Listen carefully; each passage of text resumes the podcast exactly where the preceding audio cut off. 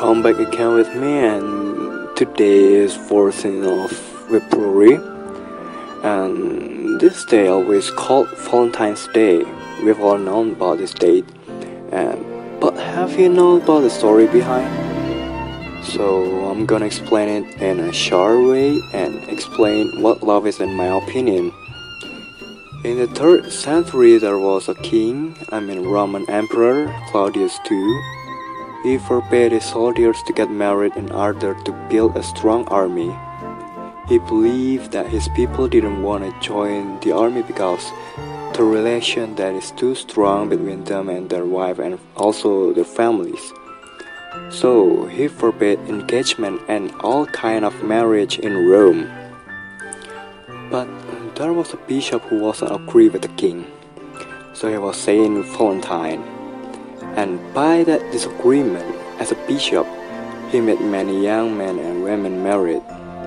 Then the empire knew about it, and Claudius II ordered that he be immediately arrested and sentenced to death. And, and then Valentine died in 14th of February to 78 by beheading. That is the short of the story. And then, but what is love in my opinion?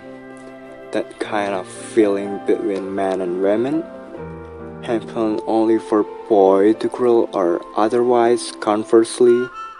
No, I think it's not only that kind of thoughts. Love is not only about sex and gender, but love happens when you willingly help some people without desire to them, I mean, without wanting them to help us too? Yeah, it's love. I'm talking this because I live that life, not because that I don't have a girlfriend.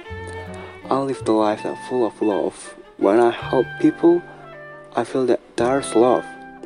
And also when I help by people. That's all. Happy Valentine's Day to all of you.